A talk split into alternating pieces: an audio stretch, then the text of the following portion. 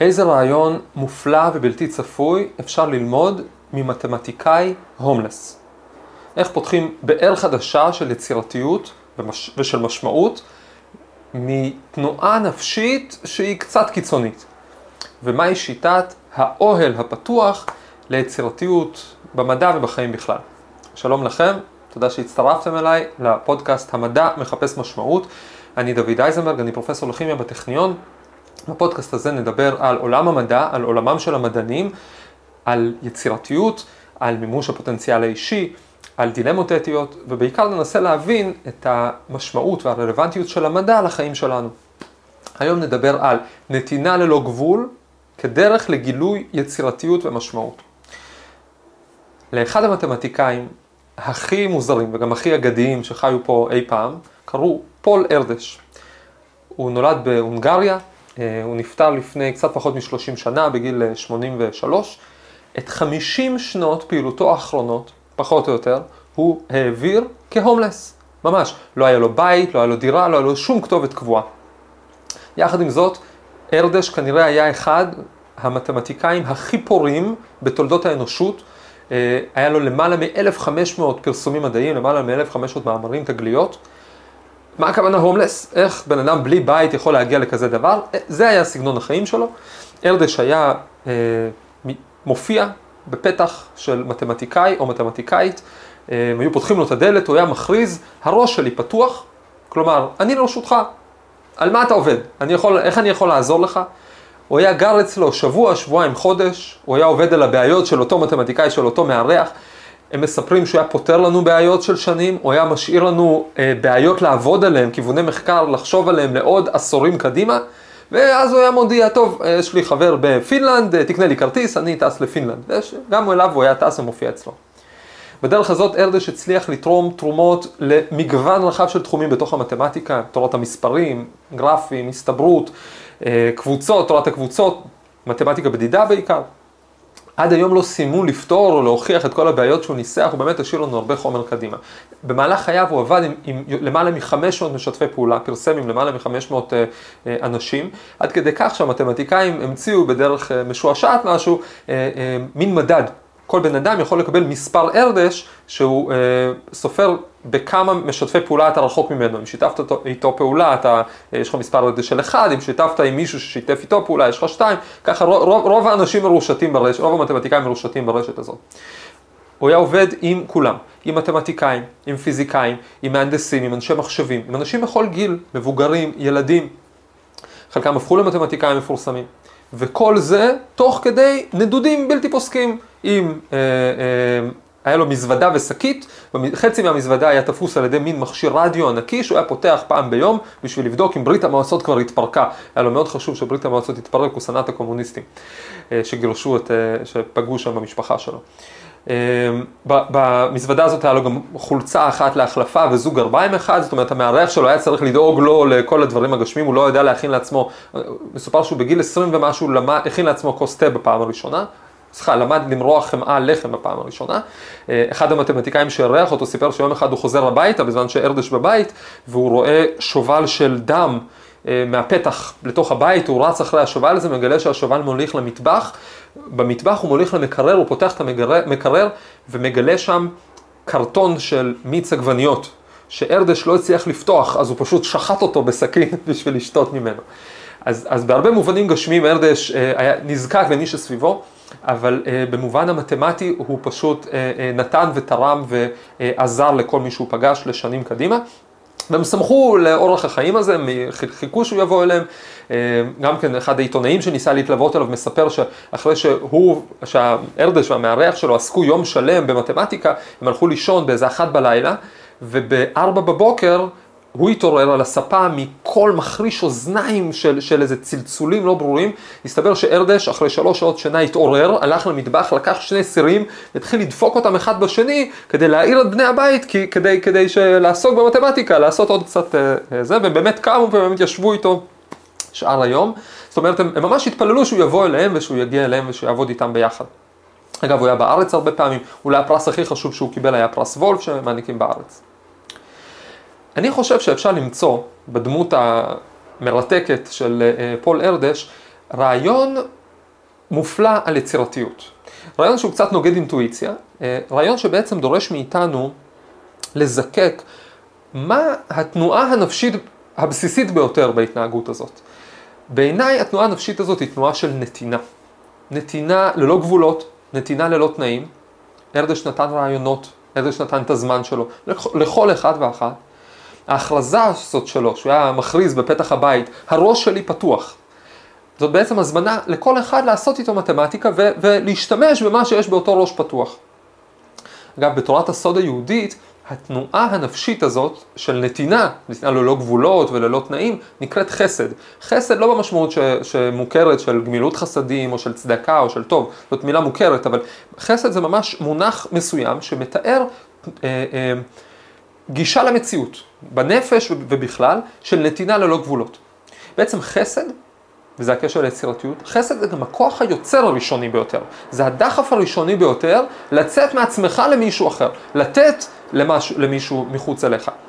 איש חסד בהתאם לזה הוא מי שרוצה לתת, בלי לספור כמה לתת, בלי לבדוק למי מגיע, או אם מגיע או לא מגיע, בלי לרצות לשמור לעצמו כלום מעבר לשקית ומזוודה.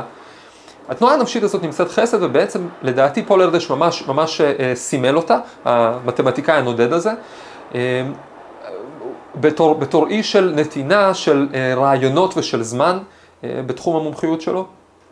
מספרים שפעם הוא עבר במסדרון באוניברסיטת אה, טקסס A&M והוא ראה לוח מלא כל מיני סמלים שהוא לא הכיר. מראה, יש פה חישובים, היה שם שני מתמטיקאים שבדיוק פרסמו מאמר של 30 עמודים שמתארים את העבודה הזאת והוא אמר, מה זה הסמלים האלה? אז הם הסבירו לו את הסמלים, אז הוא שאל אותם עוד כמה שאלות ואז הוא אמר, אה, אני יודע, וכתב שתי שורות של הוכחה שמחליפה את כל השלושים עמודים שהם פיתחו. עכשיו, מה שקורה פה זה לא פשוט גאונות. כמובן שזו גאונות. אין, אין, אין הרבה אנשים שמסוגלים, היו מסוגלים לעשות כזה דבר. אבל כל זרם ההברקות שלו היה כל הזמן מכוון כלפי בני אדם. הוא מאוד הפריך את המיתוס הזה שמתמטיקאים הם כולם אה, אה, מסוגרים. לא יודע אם הוא, הוא הפריך מיתוסים אחרים על מתמטיקאים ועל המצב הנפשי שלהם, בלי להעליב, אבל, אבל אה, את העניין של מתמטיקאים, שמתמטיקה היא מדע סגור של אנשים שהוא, אה, אה, אה, לא מדע, אה, תחום חשיבה, תחום אה, אה, דעת. של אנשים אה, מסוגרים ולא חברתיים, הוא היה ההפך, הוא הפך את המתמטיקה לתחום חברתי, הוא היה אגדי בזה שהוא אהב לעבוד עם אנשים, להעניק להם את היצירתיות שלו, אנשים בכל תחום, כולל ילדים ממש קטנים, שהוא היה מתיישב ועושה איתם חדות בחשבון, אם הוא היה מגלה שיש להם איזה כישרון, אה, הוא היה מפתח, אה, היה עוזר להם לאורך שנים וחלקם הפכו למתמטיקאים ידועים ביותר. אגב, פרט מרתק, זה שארדש היה איש חסד בעיניי, מתבטא גם באופן שהוא נתן צדקה. אחד הסיפורים, יש הרבה סיפורים עליו, שכשהוא היה הולך ברחוב, הוא היה רואה איזה מסכן, היה רואה איזה הומלס למשל, והיה פשוט מוציא את כל הכסף מהכיסים ונותן לו, לא משנה כמה היה לו. הוא היה הולך ברחוב, מישהו מספר, היה רואה מודעה, אה, מקלט לנשים מוכות, מיד מבקש שיתקשרו ויעבירו להם את הכסף שיש לו. אגב, מאיפה היה לו כסף? כי חברות ענק, חברות טכנולוגיה, היו מזמינות אותו ליום ייעוץ. ביום ייעוץ הוא היה אה, מקבל על זה איזה 50 אלף דולר, ואחר כך הוא היה משלם את כל החובות של כל מי שהטיס אותו ממקום למקום. ו- ומחלק צדקה. אה, חברים שלו דאגו לו שלא יהיה לו יותר מדי צדקה בכיסים כי הכל ייגמר. זאת אומרת, איש חסד עד הסוף, גם, גם, גם בכסף שלו. מעניין שביהדות הבן אדם שהכי מזוהה עם מידת החסד הוא אברהם אבינו. אברהם אבינו היה איש חסד מובהק ומעניין לראות את ההקבלות ביניהם ולראות מה, מה באמת לוקחים מזה ליצירתיות. המון מקומות שאברהם מוזכר, האזכור שלו מתאר שהוא הולך ועושה משהו בשביל אחרים.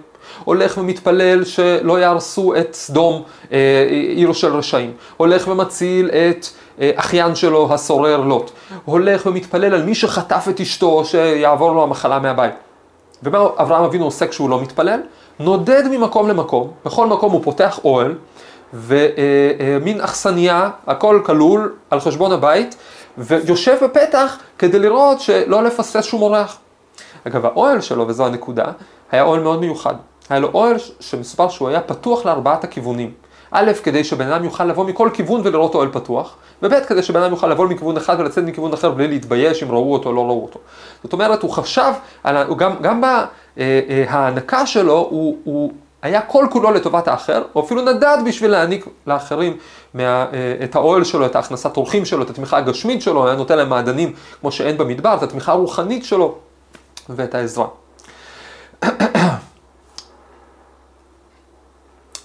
עכשיו, איך החיים והתנועה הנפשית הזאת של ארדש ושל אברהם אבינו, מלמדים אותנו שיעור ביצירתיות. השאלה היא, צריך לשאול שאלה רחבה יותר, מה זאת יצירתיות? מי צריך יצירתיות? אז כמובן שיצירתיות כולנו צריכים, לא קשר מי שעוסק במדע או לא עוסק במדע, אה, רוצה לפתור בעיות בחיים, לפעמים אלה בעיות בעבודה, שאנחנו מרגישים שאנחנו תקועים במקום אחד, לפעמים אלה בעיות ביחסים בין אישיים, שאנחנו מרגישים שמול בן אדם מסוים כבר ניסינו הכל וכבר הלכנו באותן, נסענו באותן נסילות שוב ושוב קדימה ואחורה, ואנחנו עדיין באותו מקום. אבל מה אם ברגע כזה של תקיעות, במקום כזה שמרגישים שלא אה, אה, לא יודעים איך להתקדם, ננסה רגע משהו קיצוני. ננסה לפתוח את האוהל לארבעת הכיוונים. מה אם נ, נ, ניקח על עצמנו באותו רגע תנועה של נתינה של עצמנו, של הזמן שלנו, של הצירתיות שלנו, של הפתיחות שלנו, בלי שום סינון מוקדם. מה הכוונה? יכול להיות שיש רעיונות שברגע שהם עולים לנו אנחנו אומרים, אה, לא, לא, לא, זה בטח לא, אבל כדאי לחשוב בכיוון הזה. לפעמים יש רגע לשחרר את כל הבטח לא ולתת לכולם. גדולים, כמו שארדש נתן לגדולים וקטנים, אה, לתת לרעיונות חשובים, לרעיונות לא חשובים, לדברים שאין להם שום סיכוי, לתת להם קצת זמן, קצת מקום לארח אותם קצת, להכניס אותם לתוך האוהל ולראות מה יוצא מהם. בעצם זה קצת קיצוני, כי בוודאי שחלקם יהיו זבל או, או, ולא טובים, אבל יש פה סיכוי לגלות גם משהו חדש. אה, בעצם זאת הדרך, אחד הסיפורים האהובים עליי, על ריצ'רד פיינמן, הפיזיקאי האגדי והדגול, אה, על איך הוא בעצם הגיע בסוף לפרס נובל שלו. הסיפור הזה מספר על איך הוא אה, היה מדען צעיר, היה פיזיקאי צעיר באוניברסיטה מאוד נחשבת, והוא הרגיש שיש עליו לחץ נפשי עצום, שמצפים ממנו להמון, שהוא היה כזה מבטיח, מצפים שהוא כבר יצליח בתגליות הגדולות בתוך אה, חודשיים. והלחץ הנפשי הזה גרם לו לסבל גדול, והוא פשוט באיזשהו שלב אמר, לא רוצה, לא אכפת לי, אז יפטרו אותי, מה אכפת לי? אני הולך לפארק ויושב שם. הלך לפארק וישב על הדשא, לא עשה כלום, יום שלם. במהלך היום הזה הוא ראה שיש שם אנשים שמשחקים פריסבי. טוב, משחקים פריסבי. לאט לאט אחרי איזה שעה של לבהות ללא תוחלת ואנשים שמשחקים פריסבי, הוא שם לב שהפריסבי כשהוא עף הוא לא רק מסתובב סביב צירו, אלא גם לציר הזה יש תנועת סיבוב מסוימת, כפרוצסיה. אז הוא אמר להם, מעניין, מה המשוואות, בכל זאת היה פיזיק, פיזיקאי עם גישה טובה למתמטיקה, מה המשוואות שמתארות את התנועה הזאת של הפריסבי. עכשיו זאת בעיה חשובה, זאת בעיה לא חשובה בכלל, אין לך עניין לפתור, את, לשפר את תנועת הפריסבי או את מעופו. או שאולי יש לך, וזה בוודאי פחות חשוב מהדברים הגדולים שבשבילם לקחו אותך לאוניברסיטה. אבל אמר, לא מעניין אותי, אני זורק את עצמי, אני נותן את עצמי, את הזמן שלי, את היצירתיות שלי לבעיה הזאת של הפריסבי. והוא ישב, הוא פיתח, הוא אומר כמה ימים שלמים, גילה שזה לא פשוט, אפילו לקח יותר זמן. הבעיה הזאת של התנועה של הפריסבי. באיזשהו שלב הוא שם לב שזה מעניין. אבל יש משהו במשוואות של התנועה של הפריסבי שמזכיר, שאנלוגי למשוואות שמתארות התנהגויות מסוימות של אלקטרונים. חלקיקים יסודיים בתוך אטום. הוא אמר, אה, מעניין מה המקבילות, התחיל לעבוד על זה. הוא מספר שהוא חזר לתחום העיקרי שלו בכזאת חדווה, בכזאת שמחה, דווקא בגלל שרגע הוא אמר, אני הולך לעשות משהו אחר. זה לא רק כהסחת דעת, אלא כממש הזדמנות לגלות בתוך דברים לא צפויים, בתוך מקומות לא צפויים, משהו שאתה באמת צריך. כמה שצריך לסייג את זה. כמובן שמידת החסד היא לא אידיאל בפני עצמה. מידת החסד היא מידה קיצונית. היא מידה של, בקבלה נקראת חסד זרוע ימין. מה זה זרוע ימין? זאת אומרת צד אחד, צד אחד של המציאות. זה לא משהו שהוא באמצע. אמ, מה קורה לבן אדם שהוא רק חסד, שהוא רק נותן בלי לבדוק למי הוא נותן? תכלס, ארדש שהולך ונותן להומלס הראשון. מה אם ההומלס השני יותר רעב? מה אם ההומלס השני ממש עומד למות ברעב והראשון תכלס בסדר? מה אם אתה זורק כל הזמן את השכל שלך על כל רעיון שעולה וכל רעיון שמתחשק לך? אתה לא תגיע לשום דבר טוב אי פעם, אולי. אז באמת יש משהו קיצוני במידת החסד, וצריך לקחת אותה בזהירות. אגב, בשבוע הבא אני אדבר על הצד ההופכי שלה, על היתרונות ליצירתיות של המידה ההפוכה לגמרי מחסד של עצירת הנתינה, וזו הזדמנות גם להזכיר למי שרוצה להירשם לערוץ או לקבוצת הוואטסאפ לעדכונים.